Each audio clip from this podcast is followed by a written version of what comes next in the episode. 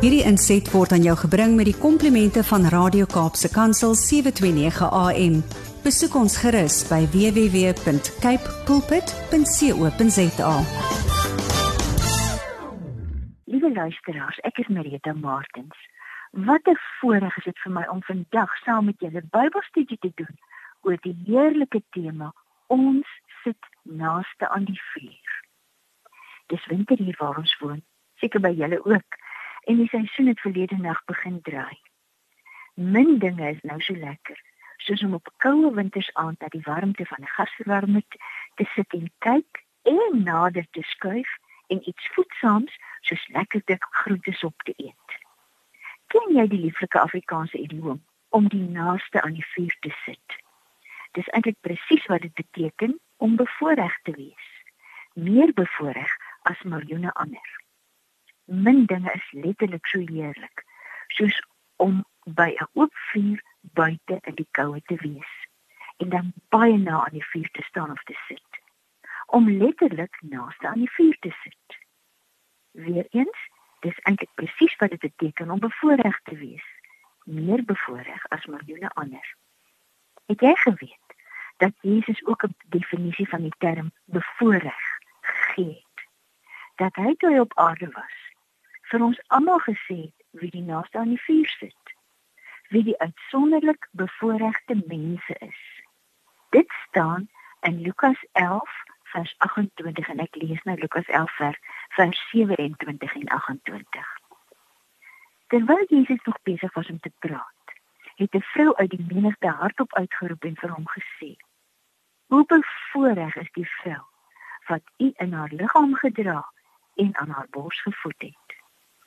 Maar hy sê in dis Lukas 11 vers 28 nog meer bevoorreg is hulle wat die woord van God hoor en dit onderhou.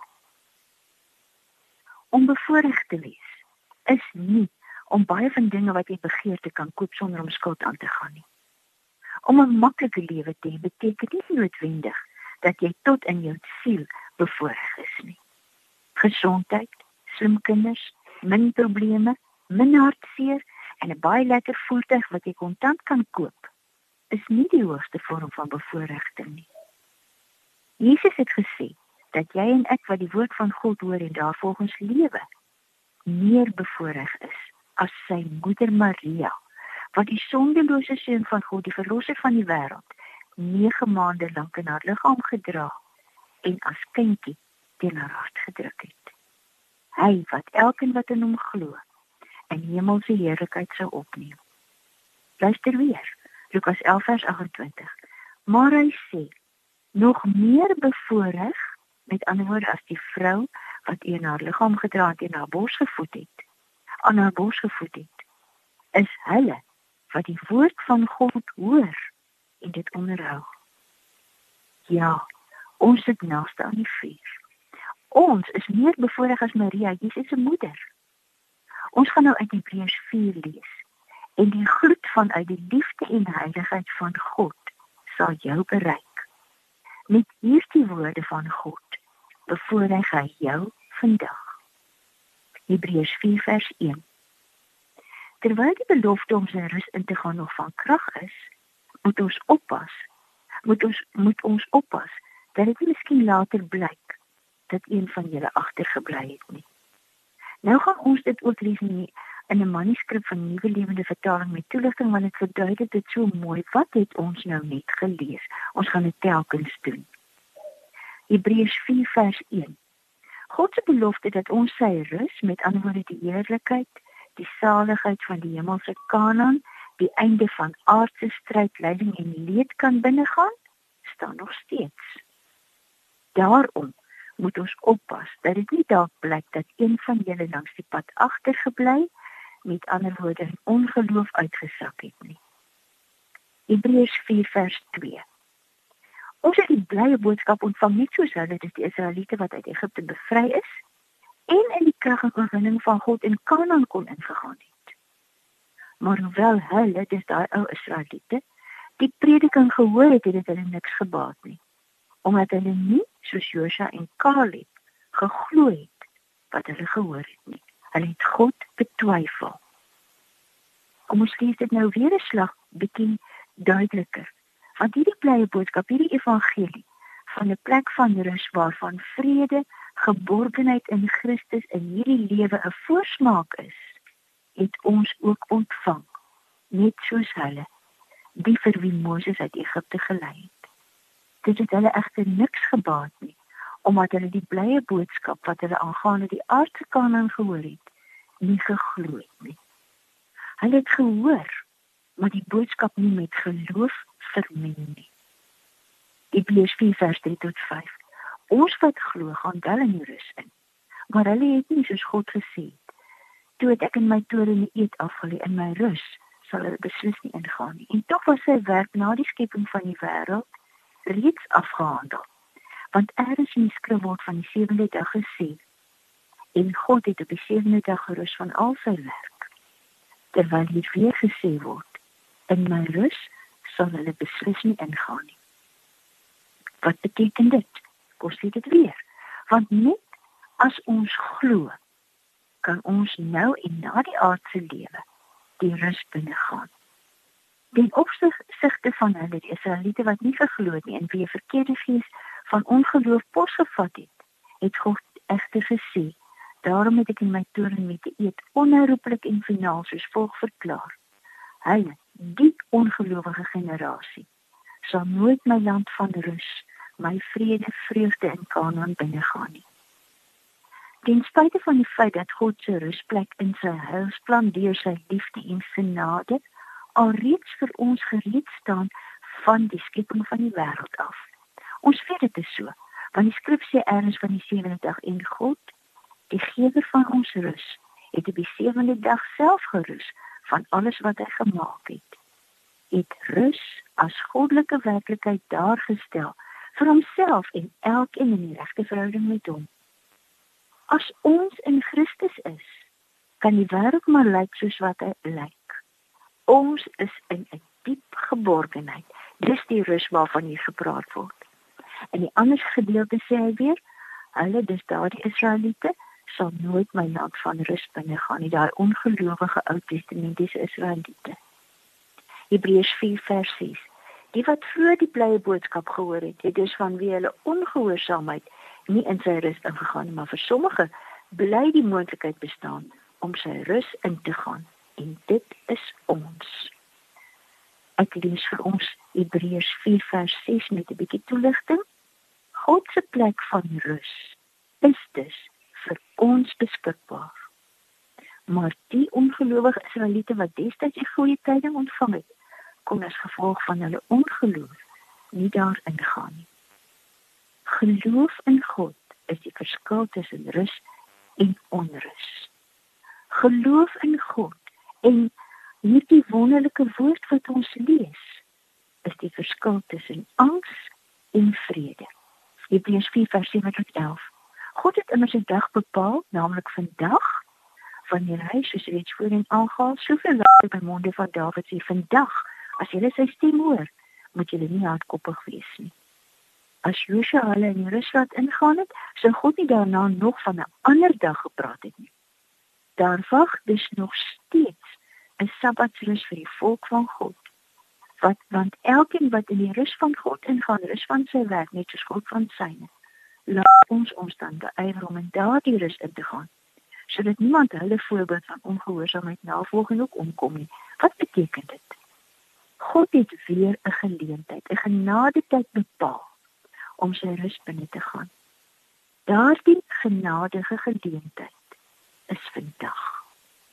God het dit aansienlik later deur Dawid aangekondig naamlik vandag of nou wanneer julle sy julle sy stem hoor moet julle nie julle harte verhard en volhou verseker teen God so hard soos klip word nie. Ja. Ja, liewe luisteraar. Ons sit die naaste aan die vuur. Ons is meer bevoorreg as Maria, Jesus se moeder. Want vandag is die geleentheid van genade. Vandag kan sondaars God se genade in Christus nog aanvaar. Vandag kan ons wat so beangs is, so ontsteld is, die rusplek ingaan waar ons in vrede met God mag leef deur Jesus Christus alleen. Ek lees vir ons hierdie gedeelte in in 'n uh, uh, 'n toeligtende skrif, nie die nuwe rusplek. Is nie die land Kanaan. Dis nie 'n aardse bestemming of gebied waarin Josua die Israeliete gelei het. Anders sou God nie later van 'n ander plek van rus, 'n rus dag, 'n Sabbatsrus gepraat het nie. Daar wag dus nog 'n heel spesiale rus vir God se volk. Want almal wat in hierdie eksklusiewe Sabbatsrus van God ingaan, sal self rus van die moeitevolle arbeid, die uitputting, die swaar kry, die lyding van die aardse lewe. Soos God ook van sy skepingswerk gerus het. Kom ons span dan alles in ons in om daardie rus binne te gaan. Kom ons kies teen elke vorm van ongeloof en rebellie en halfhartigheid, sodat niemand van ons dalk ook soos hulle, soos die Israeliete, se slegte voorbeeld van ongehoorsaamheid, daardie slegte voorbeeld volg en ook omkom nie. Nou lees ons Hebreërs 4 vers 12 tot 13. Die woord van God is lewend en kragtig. Dit is skerper as enige swaard met twee snykante en dring deur selfs tot die skeiding van siel en gees en gewrigte en murg. Dit beoordeel die bedoelings en gedagtes van die hart. Daar's ook niks in die skepping wat vir God onsigbaar is nie. Alles lê oop en bloot voor sy oë liewe luisteraar, daar's niks in jou lewe wat vir jou so seer, so pynlik, so traumaties is wat God nie sien nie. As ek gaan sonde in ons lewe, waarvan hy nie weet nie. Daarom staan daar in 'n nommer tot rekenskap gee. Maar daar's vergifnis. Kom ons lees hierdie selfde gedeelte ook nou met 'n bietjie toelichting. Vir God het sy woord lê ons oop en bloot die woord van God, die evangelie, die goeie nuus wat aan die Jesus Christus, die boodskap van die onverdiende goedheid van God, die boodskap van die waarheid, die boodskap wat tot die lewe lei, die woord van die lewe is vol lewenskrag. Dis vol kragtige, groeiende, lewensveranderende waarheid, genade, suiwering, oordeel en verlossing. En aktiewe energie Dit is skerp, dit is meer effektief om die siel en gees van die mens op te klief as 'n swaard wat twee skerp kante het. Dit sny diep tot binne in ons innerlike wese, tot by die grens tussen ons emosies, denke en wil. Dit is ons siel en ons onsterflike gees, tot in ons gewrigte en murg, tot in ons diepste menswees. Dit vlek ons diepste, mees verborgde mees versluierde motiewe en oorwegings oop. Ook geestelike verslapping. Voor God kan absoluut niks weggesteek word nie. Ons staan kaal gestroop na liggaam, siel en gees ontbloot en veerlose slagskape met die nek agteroor gebuig vir die slagmes voor die een aan wie ons verantwoording moet doen. Maar daar is vergifnis. Hebreërs 4 vers 14 tot 16. Terwyl ons dan nou so 'n groot hoëpriester het, wat reeds te die hemel gegaan het, Jesus die seun van God. Dat ons vashou aan die geloof wat ons bely. Die hoofpriester wat ons het, is nie een wat geen medelee met ons swakhede kan hê nie. Hy was immers in elke opsig net soos ons aan versoeking onderwerp, maar hy het nie gesondig nie. Kom ons gaan dan met vrymoedigheid na die genade troon, sodat ons barmhartigheid en genade ontvang en so op die regte tyd gehelp word. Ja. Ons sit die naaste aan die vuur. Ons is meer bevoorreg as Maria, Jesus se moeder, wat so onuitspreeklik groot is God se liefde nie vir ons nie. 'n Medegelowige stuur nou die dag hierdie boodskap vir my hierdie Hebreërs 4 vers 12 en onderaan skryf sy na aanleiding van die woord van God is lewend en kragtig en skerper as enige tweesnydende swaard Loof die Here vir sy woord. Ja, loof die Here vir sy woord. Ons enigste rigtingwyser, die samevatting van al die beloftes van God aan ons, die versekering van vergifnis, die bron van kennis aangaande die Vader, Seun en Heilige Gees, die woord van die lewe, die woord van krag, die woord wat ons oopvlek sodat ons kan weet en sien wat die oorleggings en gedagtes van ons eie hart is en was loof die Here vir sy woord. Met die woord van God koop voor ons op die tafel. Met die woord in ons hart en verstand en gees sit almal van ons naaste aan die vuur. Amen. Hierdie inset was aan jou gebring met die komplimente van Radio Kaapse Kansel 729 AM. Besoek ons gerus by www.cape pulpit.co.za.